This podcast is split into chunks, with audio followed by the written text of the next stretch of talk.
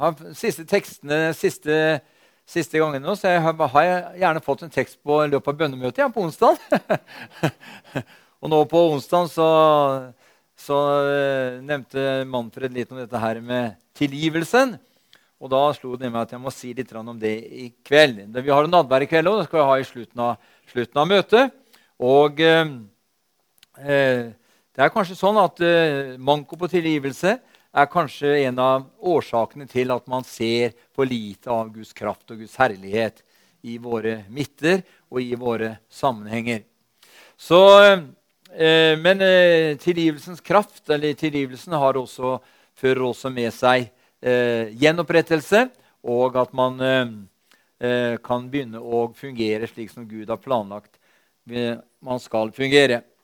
Amen. Jeg fikk jo det verset her natt til tirsdag den uka som var nå. Jeg lå våken nesten hele natt til tirsdag. Så, eller jeg lå ikke våken hele natta, det var litt drøyt, men jeg våkna stadig vekk i løpet av natta med den setningen 'Ikke som jeg vil, men som du vil'. Og eh, Jeg delte jo så bare så vidt litt om det på Monsan, Skal, skal ikke si så mye om det heller. Men det var det Getsemane-valget som Jesus måtte ta eh, når det nærma seg eh, korset når det nærma seg hudstrykninger, så visste Jesus hva som lå foran ham. Og vi ser det i, den, eh, i Getsemane, så eh, ba han jo også disiplene å be sammen med seg. Men vi kjenner jo historien at de sovna alle sammen eh, etter kort stund. Og eh, Jesus refser dem litt på en måte og sa at eh, klarte dere ikke å be med meg i en time. sier Men så, så, eh, så fortsetter han sjøl, og i, i den Getsemane-bønnen så ser vi da at Jesus han var sant menneske også, og derfor så hadde han også sin egen fri vilje. Men vi vet jo ut fra Johannes både 5, og 6 og 8 at Jesus kom ikke for å gjøre sin egen vilje, men for å gjøre hans vilje som hadde sendt ham. Og det resulterte i at, eh, at eh, selv om han hadde egen vilje, for det hadde han eh, han, han, kunne avslutta hvis han ville, men det var Guds godhet og Guds kjærlighet som drev han til å fullføre, fullføre det løpet som Faderen hadde bedt ham om å fullføre. Så, eh, og Der var det da Jesus sa det og han kom i, han sa om det er mulig, far, så om det fins en annen, eh, så la denne kalk gå meg forbi. Men så legger han til men ikke som jeg vil, men som du vil. Og det har, Sånn er det i, i, mange av våre liv også. I, ofte er vi i sånne situasjoner at vi, vi, må velge. Og da er det noen ganger så kan vi lett for oss at vi velger den letteste veien. Det er ganske ofte at vi velger den letteste veien. Men det er ikke alltid det er rett i Guds øyne å velge den letteste veien. Men eh, Jesus valgte ikke den letteste veien. Han kunne avslutta der og da og reist hjem og, og, fortsatt vært, eh, vært, vært Guds sønn osv. Men han valgte, valgte, den veien som lå i Faderens hjerte, som var den tyngste veien for han personlig der og da. Nemlig det ikke som jeg vil, men som du vil. Og så ser vi da at Når han overlater vilja si til Faderen, så kommer det engler fra himmelen og styrker ham. Og vi kjenner videre forløpet der med, med, med overhøringa og, og hudstrykinga og korsfestelsen og hele, hele Golgata-verket. Hva, hva, som foregikk der. Men det vi skal se på litt her i kveld, det altså eh, Det gjelder også slik som, også som han vil, nemlig det at vi skal både elske og vi skal tilgi hverandre. Og du vet at Det er, det er også, eh, også, det er ikke alltid det er så lett kan du si, og kanskje tilgi. Men um, det er Guds vilje, da. Ikke som jeg vil, men som du vil. Og så skal vi elske hverandre. Ja, men jeg kan ikke elske han og ikke henne, liksom. Nei, men det er sånn at Gud vil du skal gjøre det likevel. Og da er det spørsmål om, om du lar ditt eget kjøtt og din egen sjel seire, eller om du lar det ordet der at ikke som du vil, men som jeg vil, seire. Amen. Halleluja. Og da, er det veldig at da, er, eh, da skal vi først se på hva som hendte. vi du kjenner hele historien etter, etter, at Gud skapte Adam og Eva og plasserte med Edens hage. Alt var såre vel, står det. Og Gud Herren hadde fellesskap med dem i haven. Hvor lenge det var, det vet vi ikke. Derfor er det litt populært å si det at hvis noe går veldig bra, så sier de da så blir det 'Hvor lenge var Adam i paradis?' liksom. Du har sikkert hørt ordet der. Hvor lenge var Adam i paradis? Det vet vi ikke. Men én ting vet vi, at han var der. og han var der om han var der så og så lang tid, det skal ikke spekulere i, men han var i paradis. Og at eh, og Gud hadde samtale med dem, eller med Adam og, og Eva, og eh, møtte dem der gjerne på ettermiddagen. Og, eh, og hadde fellesskap med dem der i haven. Alt var såre vel. Og Gud Herren hadde som jeg sa, fellesskap med dem i haven. Men så fant syndefallet sted, hvor de deretter ble drevet ut av haven. Og årsaken var at livets tre sto der ved siden av kunnskapens tre. For dersom de hadde spist av frukten på livets tre, så ville de leve som evige syndere, sier 1. Eh, Mosebok kapittel 3 og vers 22. Så Derfor måtte Herren eh, drive Adam og Eva ut av haven. Eh, og så måtte han satt en kjeruber med sluende sverd ved inngangen for å vokte inngangen, så ikke de skulle gå inn der og ete av livets tre. For da ville de leve som evige syndere, og en gjenopprettelse for dem fra Guds side var helt umulig å gjennomføre. Derfor eh, ble de drevet ut av haven. Og eh, vi ser at Gud ikke kom med noen eh, skal vi si, fordømmelse med en gang pga. deres ulydighet. Fy dere, liksom! Hvorfor gjorde dere det? Nei, altså, Gud kom ikke med det. Gud kom ikke med noen fordømmelse pga. Adam og Evas ulydighet, men derimot en klar plan for gjenopprettelse. Og Vi ser at Gud han tilgav Adam og Eva straks i sitt hjerte. Og du skjønner at eh, Hvordan vet vi det? Jo, fordi at eh, vi vet at så selv om ulydigheten fikk eh, fatale eller grusomme konsekvenser i og med at synd, sykdom, plager, krig og all form for elendighet kom inn i verden som et resultat av Adams fall der i Edens hage. For det, i, og med, at djevelen ble nemlig Etter at, at fallet hadde funnet sted, så ble nemlig djevelen denne verdens gud. Og vi kan ha en historie nå på ca. 6000 år hvor vi ser hvordan djevelen har herja med hele menneskeheten. Blant annet når du ser dem, Det er så mye grusomme å studere krigshistorien og, og den, den, barbariske historien opp gjennom tiden. Så ser du at menneskene har vært grusomme i sine handlinger og i sin måte å behandle hverandre på. De har I, i mange tilfeller så, så ja, det, har, det, har, vært så grotesk så det, vært, det er vanskelig å gjengi med ord hva som fant sted. Tenk bare på japaneren eksempel, under, altså under annen verdenskrig. Når han eh, skulle få fanger til å, blant annet, til å, altså til å snakke, så hadde en bur med utsulta rotter i. Så satte de, de disse burene innpå maven eh, til, altså til fangene, og så åpna de bura. Eh, åpna de lokket, så rottene kunne spise, eh, av, leve, av, spise av mennesket i levende tilstand. Så kan du si det er ingen grenser for hvor ondskapen hvor stor ondskapen kan øke i omfang og i verdi, så lenge ondskapens herre, Satan, djevelen, får lov til å herje som han gjør, fordi at eh, hele verden ligger i det onde. Alt dette her kom som et resultat av syndefallet i Edens hage. Men som jeg sa, at Gud hadde en klar plan for gjenopprettelse. Gud tilga Adam og Eva straks i sitt hjerte. Så selv om ulydigheten som jeg sa, fikk forferdelige konsekvenser, så ser vi da at så starta Gud øyeblikkelig gjenopprettelsesprosessen. Hvordan gjorde han det? Jo, han eh, slakta et dyr eller fler som han lagde klær av skinn til dem på. Nemlig blod ble utgitt. Blod ble utgitt. Og vi ser faktisk det at dersom Gud ikke hadde tilgitt Adam, Adam og Eva i sitt hjerte, så kunne han heller ikke starte med gjenopprettelsesprosessen av Adam og Eva. Det begynte med at Gud tilga Adam og Eva i sitt hjerte, som igjen førte til at han kunne starte gjenopprettelsesprosessen eh, i Adam og Eva sitt liv. Dette betyr, venner, at eh, Adam og Evas synd førte også til at vi alle ble syndere. Fordi synden kom inn i verden, og Satan ble denne verdens gud, som jeg nevnte. Og som Romerbrevet kapittel 5 og eh, i vers eh, Romerbrevet kapittel 5 og vers 12 sier her at eh, Derfor, liksom synden kom inn i verden ved et menneske, og døden på grunn av synden, og døden slik trengte gjennom til alle mennesker, fordi de syndet alle, leser vi eh, i altså, Romerbrevet 5 og vers 12 her fordi de syndet alle. altså det vil si, fordi, at, eh, fordi Adams fall førte til eh, at døden trengte, inn, trengte gjennom til alle mennesker. Fordi de syndet alle, for ved at den ene falt, så førte det til at alle falt. På samme måte som ved at eh, Jesus seiret, så har vi seiret alle vi som, som tilhører ham.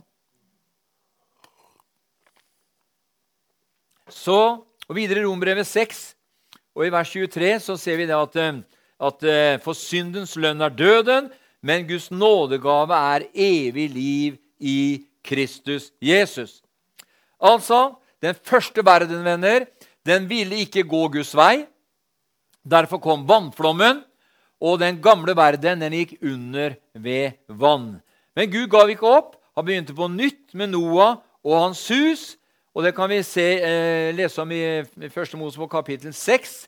Eh, og det skal vi ikke gjøre, men vi ser da at, eh, at, eh, at Gud han lot vannflommen komme med Noah og hans hus, åtte sjeler i alt.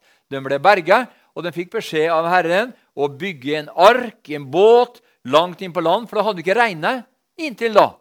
Ja, Men hvordan fikk åkrene og frukta og, og markens grøde, grøde, vann? da? Jo, det kom vann opp av jorda.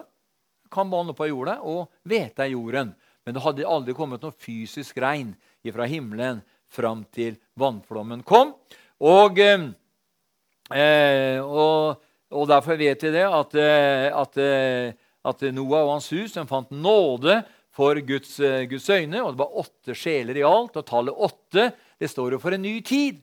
Ikke sant? At alle guttebarn i Israel skulle omskjæres på den åttende dagen. Da var det liksom så veldig viktig. Selv Jesus ble omskåret på, altså, si på den åttende dagen. Og i dag er det den 0108. Der altså, eh, det er både åtte og det er én, og én og åtte er ni. Eh, Tverrsummen av én og Eh, åtte er ni, og det er jo et eh, herlig tall. Det er ni åndens gaver og det er ni nådegaver osv. Men så kan vi legge til 21. Det er også, også tre, så da får man én, eh, åtte, to og én. Da får man tolv. Så er, i kveld er det et veldig fint Hvis man skal bruke ord, henger, henger vi oss ikke opp i tall, men jeg bare nevner det sånn. Sånn, sånn litt sånn artig her, her i kveld. Amen. Så utgangspunktet vårt er kjempebra, ikke pga. at du og jeg er den du og jeg er, men grunnlag av det som Jesus allerede har tilveiebrakt for deg og meg gjennom den død og oppstandelse som fant sted ved hans eh, kors og begravelse og oppstandelse. Amen. Eh, vi ser at Videre så ser vi et, etter vannflommen fra, fra Noah så ser vi at eh, loven kom. Eh, først kom jo Abraham og alt dette her. Men vi skal ikke gå gjennom alt det, men vi ser at loven kom med Moses. Og loven hadde til hensikt å hjelpe mennesket slik at det kunne leve slik Gud ønsket de skulle leve. Loven kunne ikke fjerne synd, men bare dekke over den for en tid av gangen. Blod måtte utgytes, og dyreofringer ble vanlig i forbindelse med jødenes synserkjennelse eller synsbekjennelse. Loven fikk sin oppfyllelse eh, og, eh, og, ende da Jesus kom eh, som det Guds lam som bar all verdens synd. Han betalte faktisk med sitt blod for all verdens synd.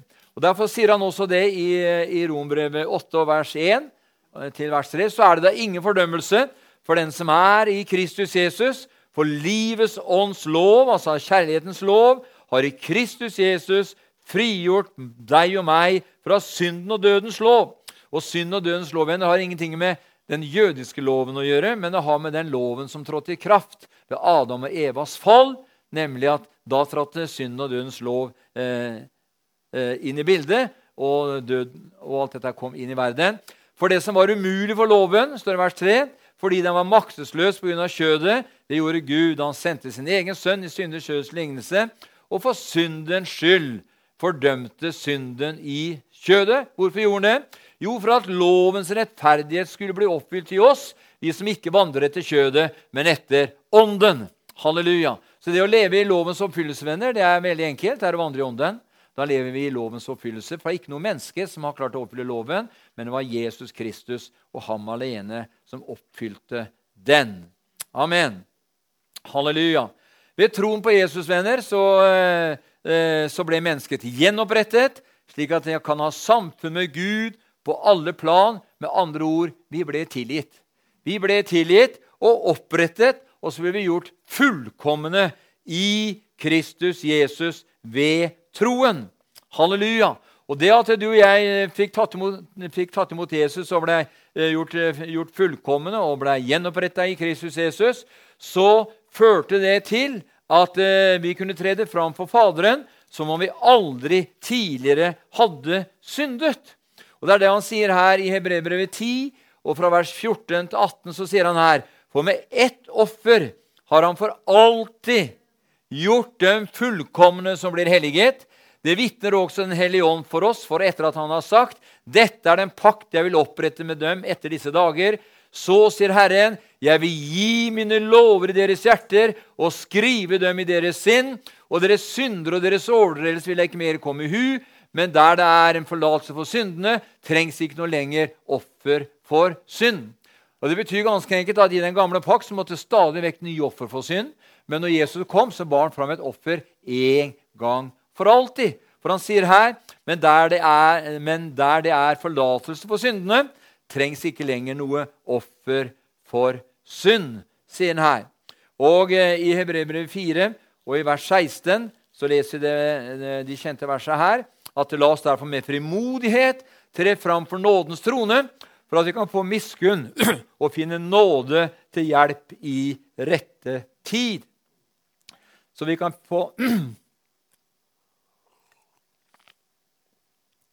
Så vi kan få nåde, så vi kan få nåde og, finne, og få hjelp og nåde til rette tid. Altså det vil si at Etter at du og jeg sa ja takk til Jesus Kristus og ble født på ny, så kan du og jeg med frimodighet tre det fram for Faderen som om vi aldri har syndet. Vi behøver ikke komme skjelvende og redde for at han skal slå oss i hodet med et eller annet. Nei, vi kan med frimodighet pga. Jesu blod tre det fram for Faderen og få erfare og få nåde og få hjelp til rette tid. Når du og jeg ble frelst før på ny, så ble, så ble en sannhet åpenbart i ditt og mitt hjerte.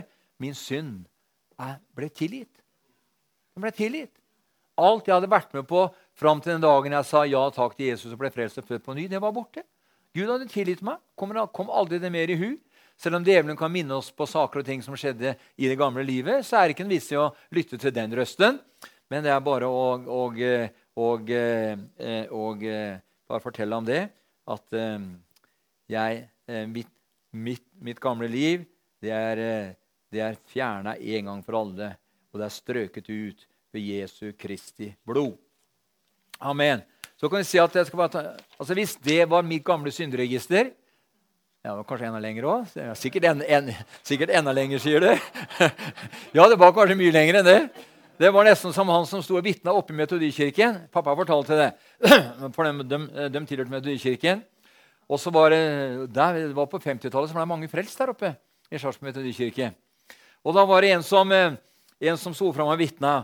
Og så sa han da at jeg er så glad Jesus har tilgitt meg alle mine synder. sa han, For jeg var en stor synder. Så satt en bak en. Ja, det var sannelig det var sannelig sant, sa han. Han som, han som satt bak en. Og så snudde han seg og sa han, var ikke noe bedre du seg sjøl, sa han. Nei.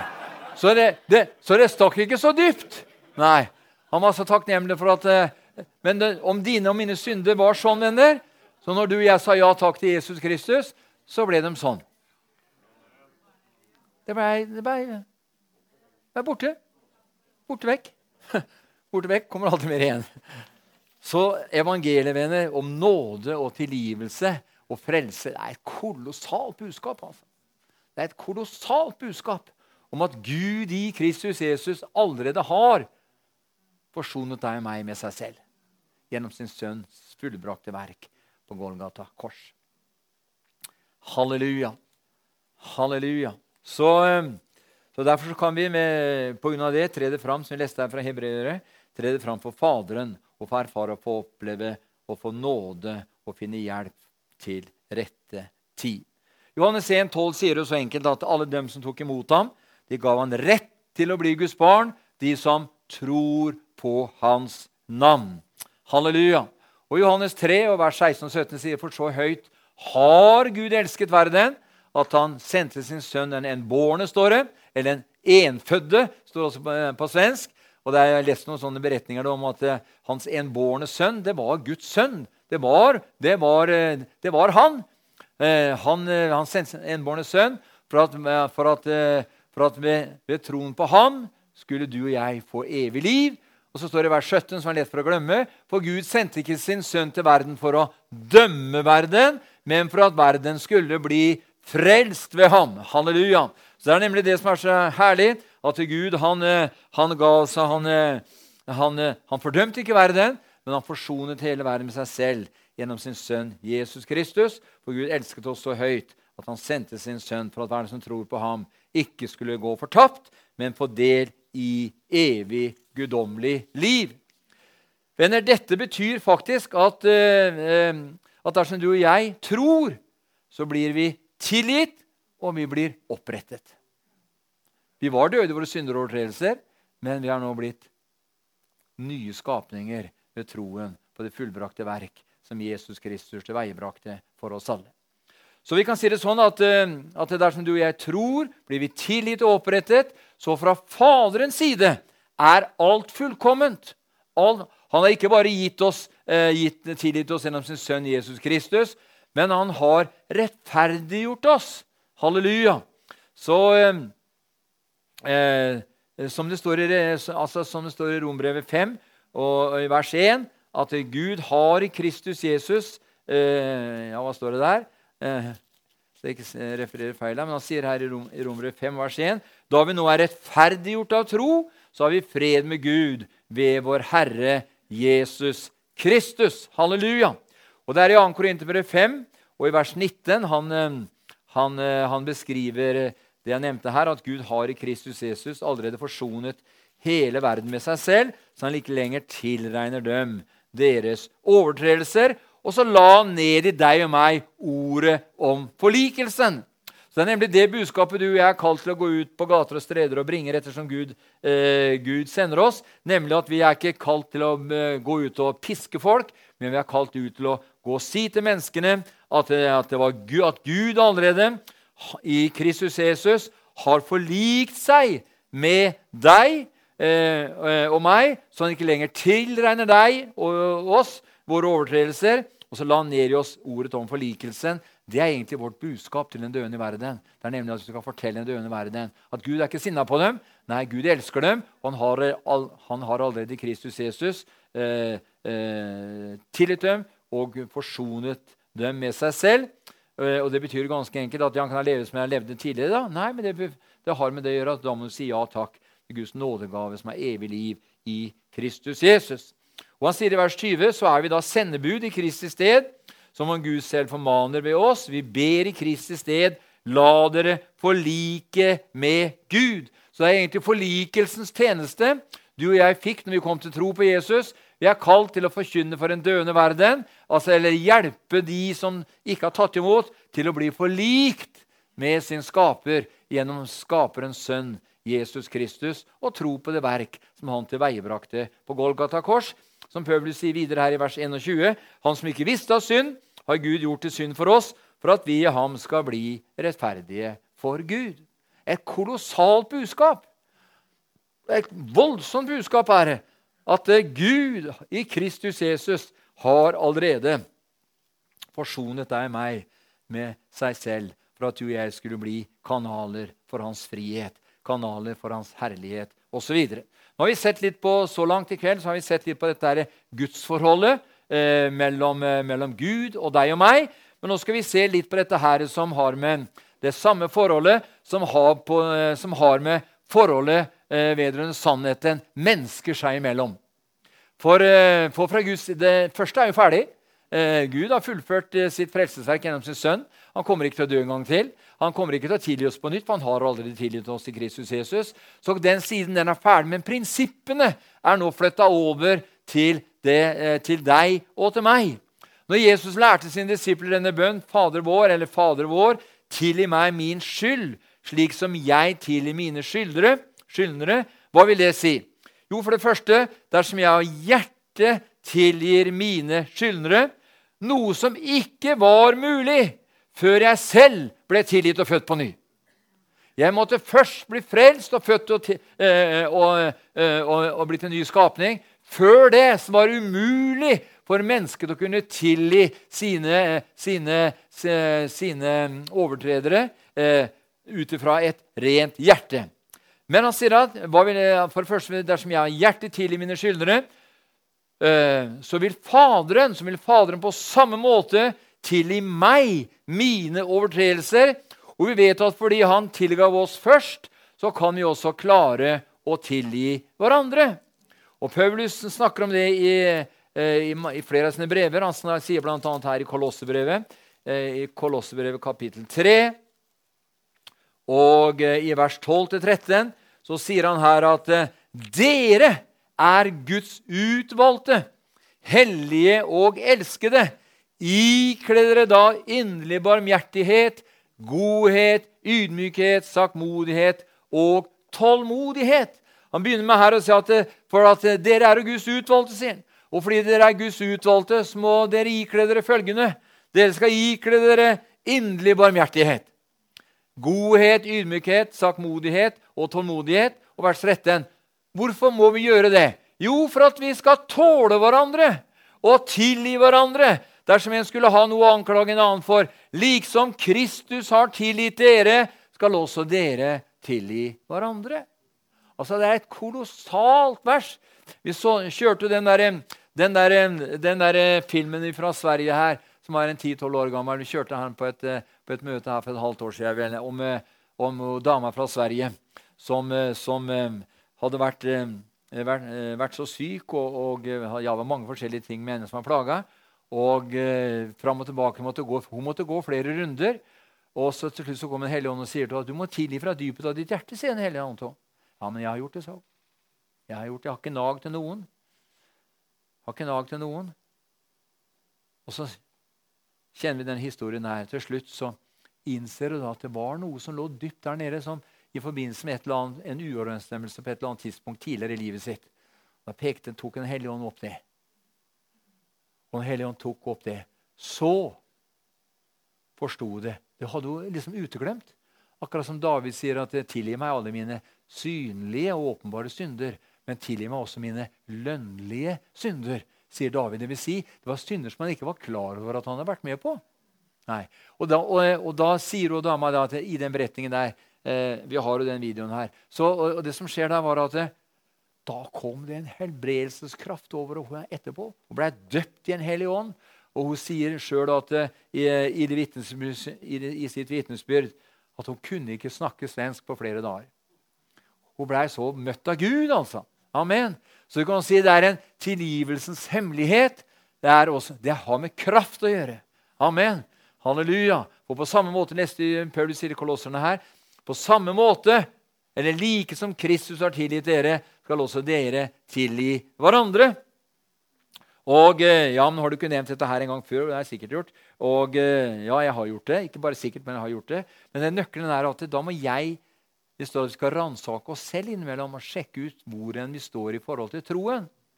Og Det er, det er i forhold til troen, men du skjønner at troen den, eh, den kan bli hindra i å utvikles 100% hvis ikke jeg eh, lever i For det er summen av Guds ord som er sannhet. Eh, og da er det at, at, jeg må leve i tilgivelse.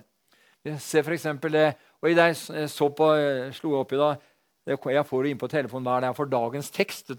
Og dagens tekst det så jeg nå i ettermiddag, det var jo tilgivelsen. Det handla om tilgivelse. Det handla om han der, eh, som kom til Jesus og sa da, til han kom til Jesus og sa, hvor mange ganger skal jeg tilgi min bror? Skal jeg tilgi en syv ganger?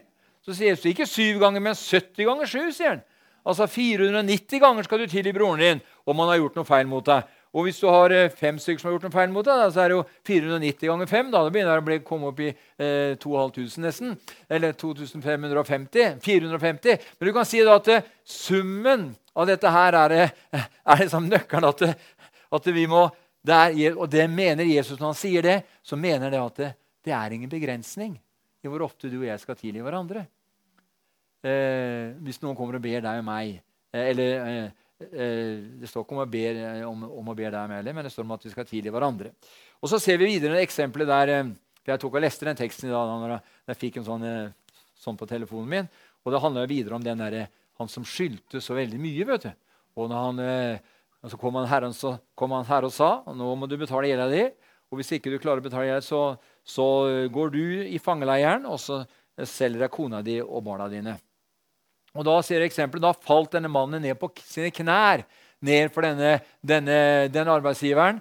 Og så ba han på sine knær om at uh, arbeidsgiveren måtte tilgi ham. Og Da står det at da fikk han arbeidsgiveren hjerte for den, der, for den der karen. Så han tilga han hele gjelda, og han kunne, kunne, gå ut fra den rettergangen som et rent, gjeldfritt menneske i forhold til den personen. Og så ser vi da at, Men på veien ut da, så treffer han en eh, utafor rettslokalet som bare skyldte noen få kroner eller få ører. Og han, han sier 'Betal det du skylder', sier han. Eh, og eh, ja, men også faller han ned på sine knær, akkurat som han hadde gjort før for han som han, som han skyldte så mye. Og så kaster han henne i fengsel og så selger så, og, og, det hørte han den rike mannens tjenere. vet du. Så han gikk og fortalte han det. Og da ble han vred. Så kalte han den tilbake, og så gjorde han om den tilgivelsen. Det forteller meg venner, at, at eh, det du vil at andre skal gjøre mot deg, skal du gjøre mot dem. Ikke sant? Så, så eh, hvis jeg ønsker tilgivelse av noen, eh, så må jeg også eh, kunne gi tilgivelse til andre mennesker. Jeg vet at dette her er et, Det som har med tilgivelse og forsoning å gjøre, det er ofte veldig vanskelige temaer. Og veldig ofte sånn, veldig sånn Eh, et sammensatt tema også, som berører veldig mange mennesker i vårt land, og også i våre egne liv og i våre egne familier og slekter osv. Så, videre. så, eh, eh, så eh, vi vet at fordi han tilga oss først, som jeg sa, så kan vi også klare å tilgi hverandre. Eh, det neste er at vi i Johannes 15, 12, eh, så sier Johannes der at slik som jeg har elsket dere, skal også dere elske hverandre. Og hvordan elsket Jesus deg og meg? Jo, han døde for deg og meg. Så høyt elsket han deg og meg. Og i Johannes 15, 17 så står det dette byder jeg dere, at dere skal elske hverandre. Faktisk var det et påbud om at de skulle elske hverandre. Det var noe som at det var et påbud at de skulle elske hverandre. Og når, eh, Etter korset og så, videre, så kom han over i, i Rombrevet 13. Eh, og i vers 8 så sier Paulus her at blir ingen noe skyldig, sier han. Annet enn det å eh, elske hverandre. For den som elsker sin neste, har oppfylt loven. Så kjærligheten er jo lovens oppfyllelse. Amen. Og, eh, og i 1. Johannes 3 eh, og i vers 11 Johannes har jo veldig mye tekst om akkurat dette med, med kjærlighet og tilgivelse. Og vi har sagt var den, altså disippelen som Jesus elsket. Og Jesus elsket ikke han fremfor de andre, men det blei sagt at det var om denne, denne disippelen som Jesus elsket. For det står nemlig i forbindelse med eh, i haven der, sånn, eller kan vi si måltidet de hadde eh, før, eh, før, eh, før romerne kom og henta, henta, Jesus der. Så var det det siste måltidet, hvor Jesus sier at eh, det, hvor, han, eh, hvor, han, sier at sannelig sier det en av dere skal, skal, skal skal forråde meg. Og så ser vi da at, uh, ser vi da at Peter ble nysgjerrig. Hvem er det, sier han. Men han liksom hadde ikke frimodighet til å spørre sjøl, så han dunka borti Johannes og så sier han at Johannes, spør han du, sier han. spør han du. Liksom han, eh, så det var kjent, det var liksom sagt vet du, at det var den disippelen som Jesus elsket. Og da uh, sier Peter at spør han du, Johannes, for kanskje du får raskere svar. liksom. Det er jo sånn at Den du elsker, du, kan du betro deg til. vet du, ikke sant? Så, sånn er det. Så, eh, og Derfor så sier han at eh, eh, i, eh, Som jeg nevnte her, i, i, i 1. Johannes 3, og dette er hans bud, at vi skulle tro på Hans Sønn Jesus Kristi navn og elske hverandre slik som Han bød oss. Nemlig det er Hans vilje. Det er Hans vilje. Ikke min vilje, men Hans vilje. Og Hans vilje er at vi skal elske hverandre slik Han bød oss. Halleluja. Og I 1. Johannes 4, 7 så, eh, så står det da at eh, mine kjære, la oss elske hverandre, for kjærligheten er av Gud. Og hver den som elsker, er født av Gud og kjenner Gud. Og kjenner Gud. Hver den som elsker, er født av Gud og kjenner Gud. Og I 1. Johannes 4, vers 11 står det.: Mine kjære, har Gud elsket oss slik, så er vi også skyldige til å elske hverandre på samme måte. Amen.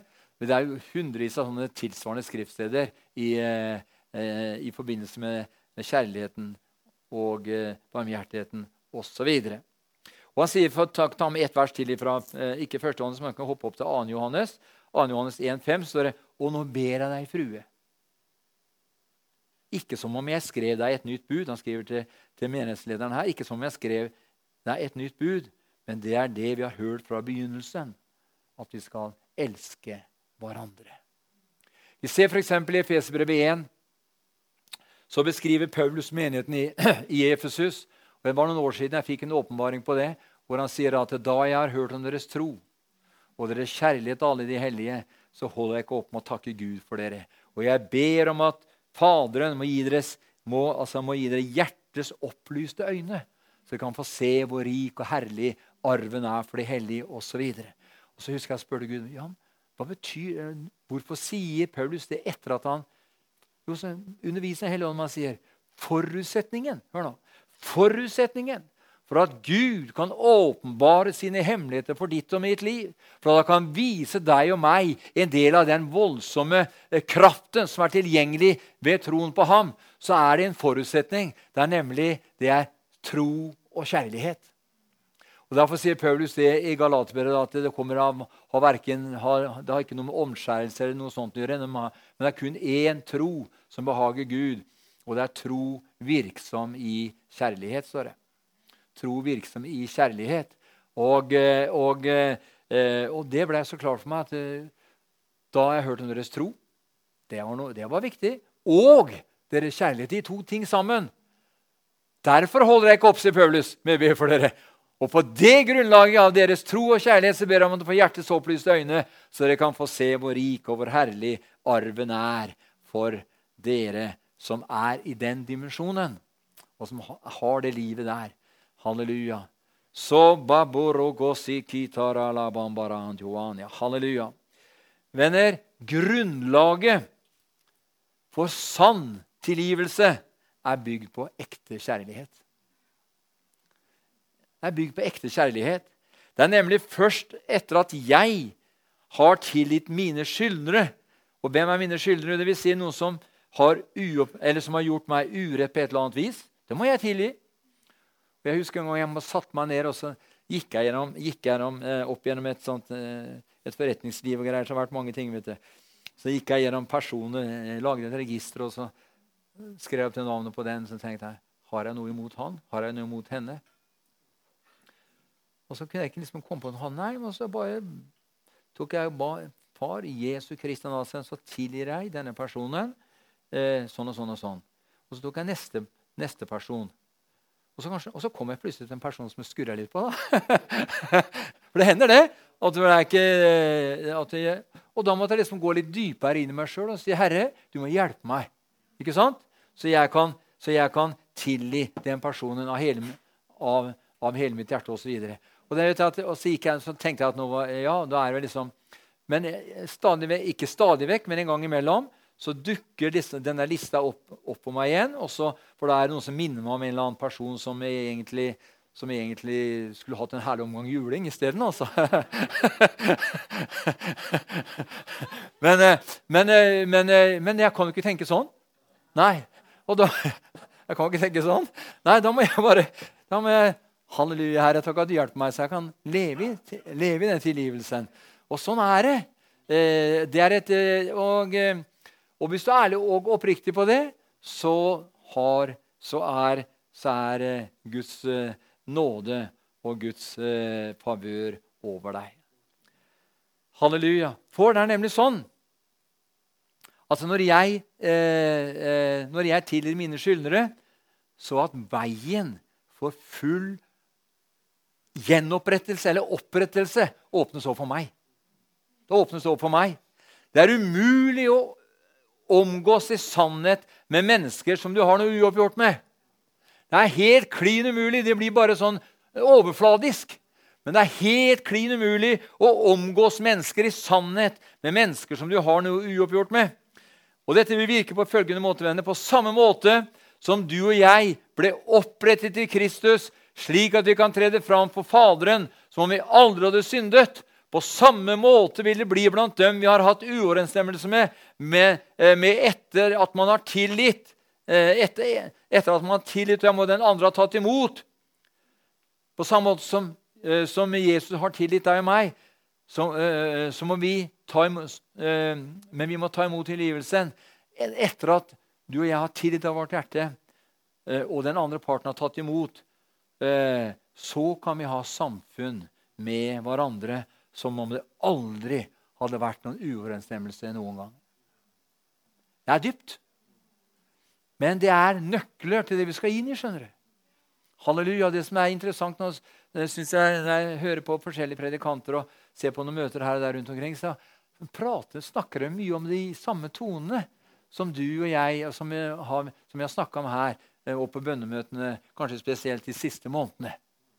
Det er på en måte ute, der ute. Så du vet at Kristi legeme, eh, de lemmer som hører til legeme, de oppfatter signalene.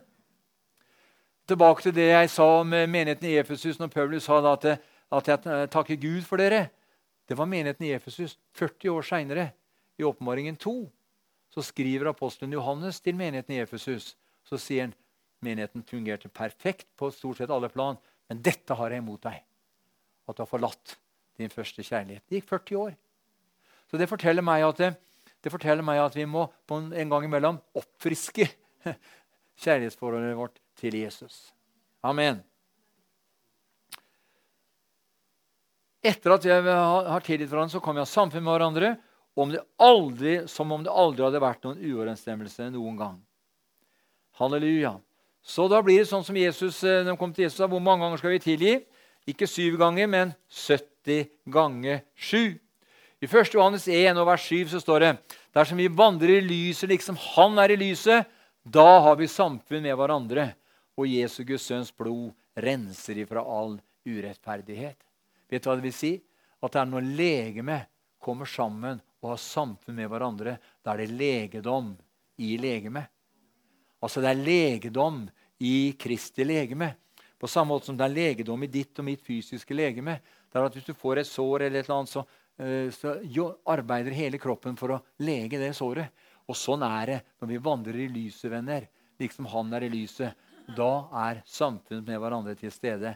Og da, og da eh, eh, Dersom alle liksom han er, da har vi samfunn med hverandre, og Jesu Guds sønns blod renser ifra all urettferdighet. Det vil si at det, skulle det være et eller annet som ble sagt for skjært, eller sagt som ikke skulle vært sagt, eller gjort som ikke vært gjort, osv. Men det var ikke noe hensikt, noe bevisst hensikt bak det. Men det ble bare sånn. Da er fellesskapet legemets eh, lemmer. Når det fungerer da, så vil det bare rense bort alt sånt eh, som kan skape hindringer og unødvendige eh, eh, kan vi si, unødvendige eh, konfrontasjoner som egentlig ikke er nødvendig å lage noe bråk ut av osv. For da vil Jesu sønns blod ta bort dette her, for da har vi jo samfunn med hverandre. For vi lever i lyset, liksom han er i lyset. Halleluja. Og hva skal til da for at du og jeg kan leve ut det totale kjærlighetslivet som bl.a. skjuler en mangfoldighet av synder? Altså det skjuler en mangfoldighet av synder. Altså 1. Peter som sier, sier litt om det. Eh, første Peter Du vet at det var derfor frimureriet fikk en framgang i, i sin første tid. Fordi at eh, brødrene måtte ha noen de kunne betro seg til hverandre. Men hadde ikke noe med Gud å gjøre. Fordi de var så redde for å kunne eh, få høre på gata i morgen liksom, hva, jeg til, hva, jeg sa til, han eller hun. liksom. Nei, det var, og der så, derfor, derfor, var det også en av de første gradene der det var taushetsgraden. Dvs. Si at de måtte, de måtte, gå gjennom en test eh, om de kunne på, si på godt serpespråk holde kjeft. Ikke sant?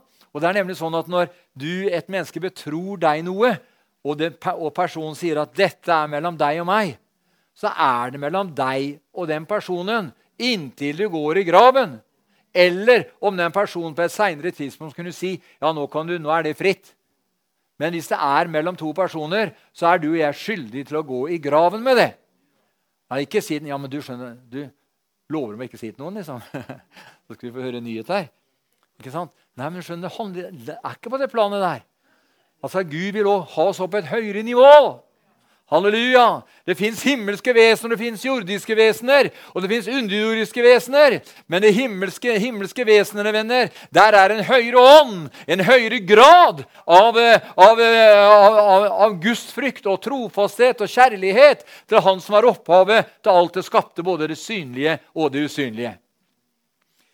Derfor sier 1. Peter, og vers, eh, kapittel 4, vers 8 her, framfor alt ha inderlig kjærlighet til hverandre, for kjærligheten skjuler en mangfoldighet eller en mengde synder. En mangfoldighet av synder er også en oversettelse som sier. Hva betyr det? Jo, det betyr ganske enkelt at, at, at, kjærligheten til hverandre, selv om du kan se svakheter og feil og mangler hos den personen, eller de personene, så er kjærligheten så sterk at den dekker over det. Den skjuler det. Det er ikke noe sånn leksikon som går rundt på gata og forteller hva, alt om alle. vet du. Nei, du skjønner, Kjærligheten den dekker over. Den skjuler en mangfoldighet av synder. Venner, jeg tror at når man tar en bestemmelse ut fra ens hjerte om å leve i absolutt tilgivelse, så vil det føre til at vi begynner å leve i seier og autoritet. Vi begynner å leve i seier og autoritet. Skal vi bestemme oss her i kveld nå da, at vi vil leve i total tilgivelse fra og med i kveld? Vi, skal, ja, skal vi proklamere det? Så kan dere si etter meg Jeg vil leve i total tilgivelse fra og med i kveld. Amen. Halleluja. Venner, det var fordi Josef tilgav sine brødre, som førte til at han slutt fikk regjeringsmakt. De kasta han i brønnen og solgte den. Men, eh, men, Josef hadde kall på livet sitt. Han vet du. Han gikk jo så langt han drømte til om at mor og faren hans kom og bøyde seg for ham. Og da syns eh, pappa Jakob at nå går du litt for langt, gutten min. Ikke sant? men det skjedde jo!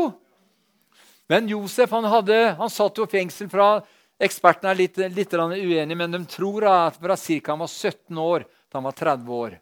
Altså 13 år satt Josef i faraos fengsel pga. at han handla rett i forhold til Potifars hustru.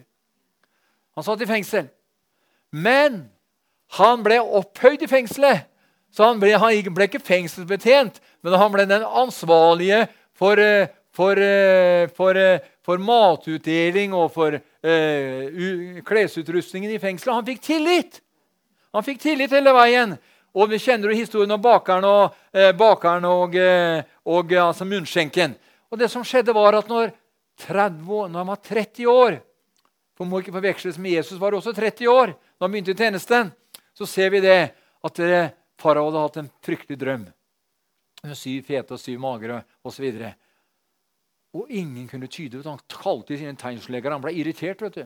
Kan dere ikke dere som er mine tegnslegere, må jo kunne tyde drømmen min? Men det var ingen som kunne tyde den. vet du. Da står det da kom munnskjenken Josef i hus. står det. Og så tok de ned, gikk de ned på, for, på formiddagen og henta Josef fra fengselet. Førte han opp til slottets hovedinngang, inn på det flotteste badet. Han ble vaska, gjort ren og olje og salva og eh, klipt hår og alt som var. Og Så ble han stelt og så han veldig fin og flott ut. Og så fikk han en ny, flott kledning, og så ble han ført fram for farao. Amen. Halleluja.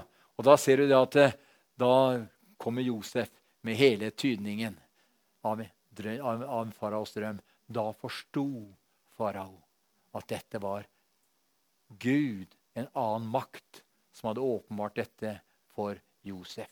Så tar han av seg sin, sin, sin signetring. Nå har jeg tatt av meg min giftering på høyre hånd, men det kommer at jeg har så vondt i han hånda der. Så jeg slipper å lure på det.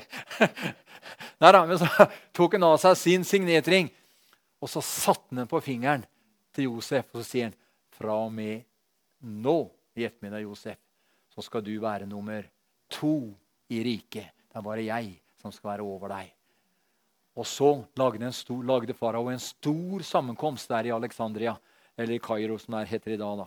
Så skulle han fikk den flotteste hestvogna de flotteste hestene.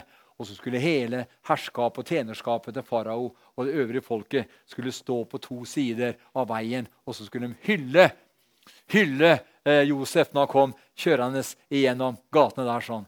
Og vet du hvem som sto der?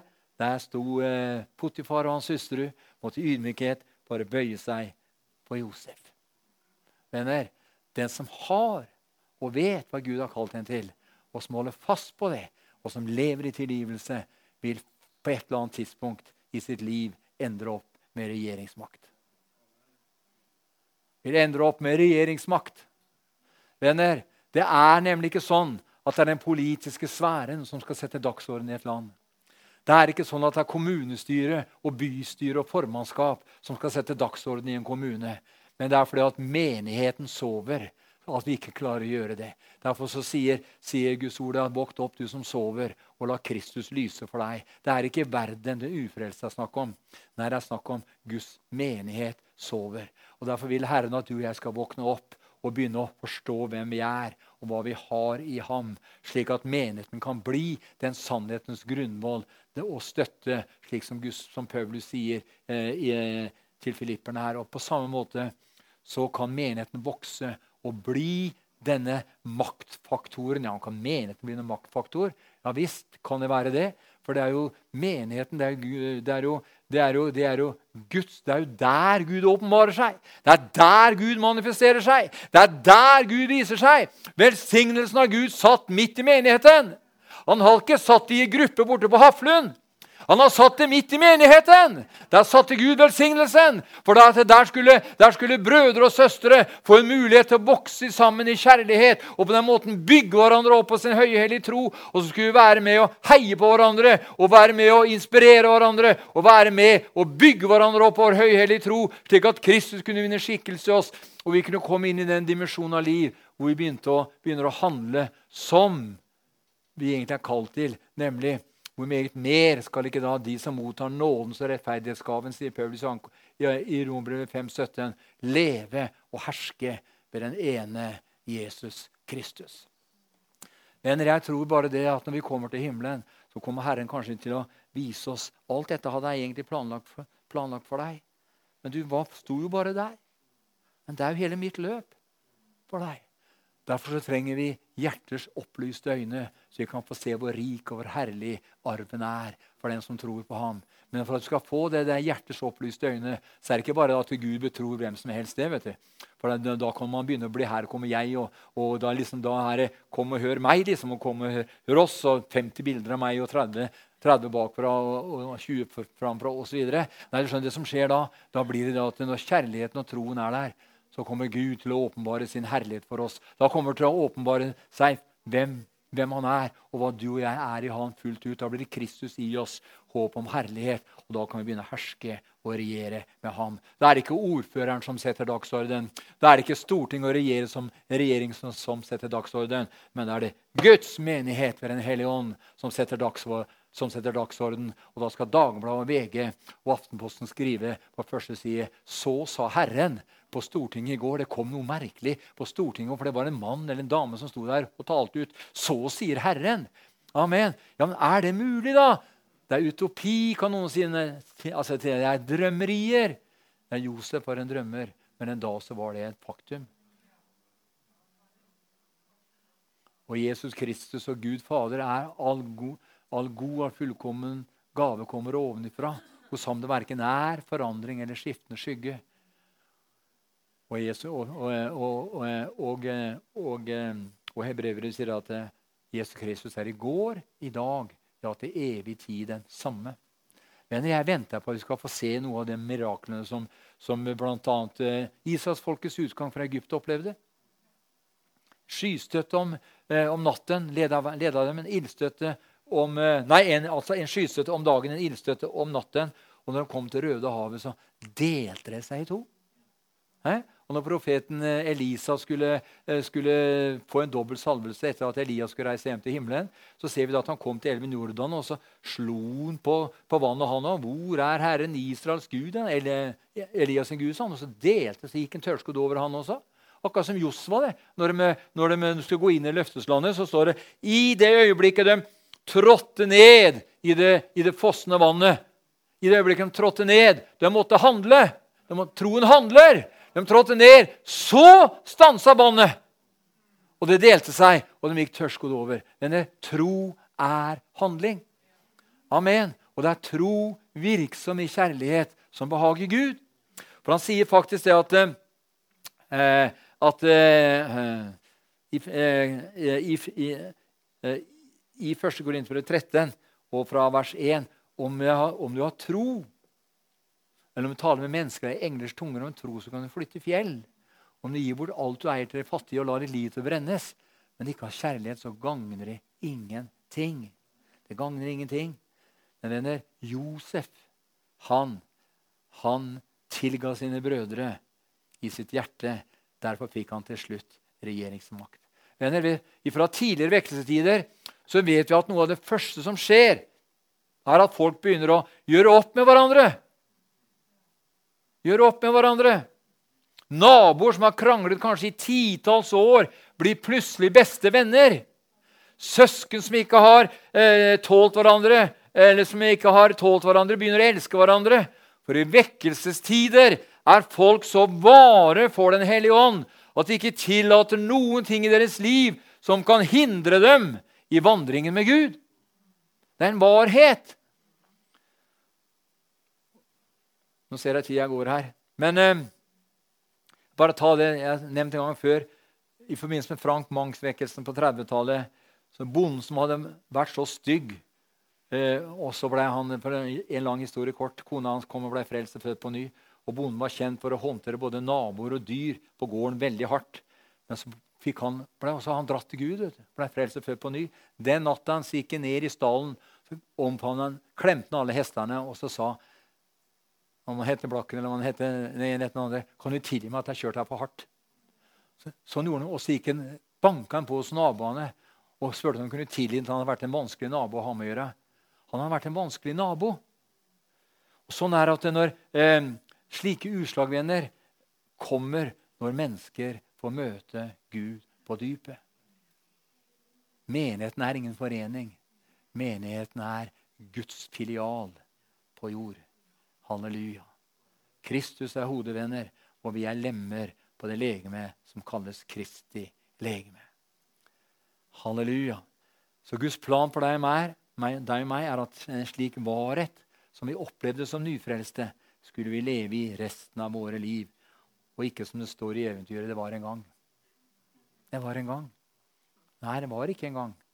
Men kanskje det har vært en gang. Og kanskje ikke er så lenger. Men det går an å få det var en gang til å bli en sannhet i dag igjen. Amen. Halleluja. Nå skal vi snart til en nadvern her også. Og da handler det om at da skal vi minnes Jesu død, oppstandelse, inntil han kommer tilbake. Nadværsmåltid er et kolossal, en kolossal proklamasjon om hva Jesus vant for hele menneskeheten. Halleluja. Han ble gjort til synd for at du ved troen på ham skulle få del i Guds rettferdighet osv. osv. Halleluja. Og så står det noe i 2. Korinterbrev 2 og vers 10-11. Jeg skal ikke lese dem. Men å leve i tilgivelse, venner, gir fullkommen beskyttelse. Fordi at Guds kjærlighet er utøst i vårt hjerte ved Den hellige ånd, som er oss gitt, sier Rombrevet 5.5.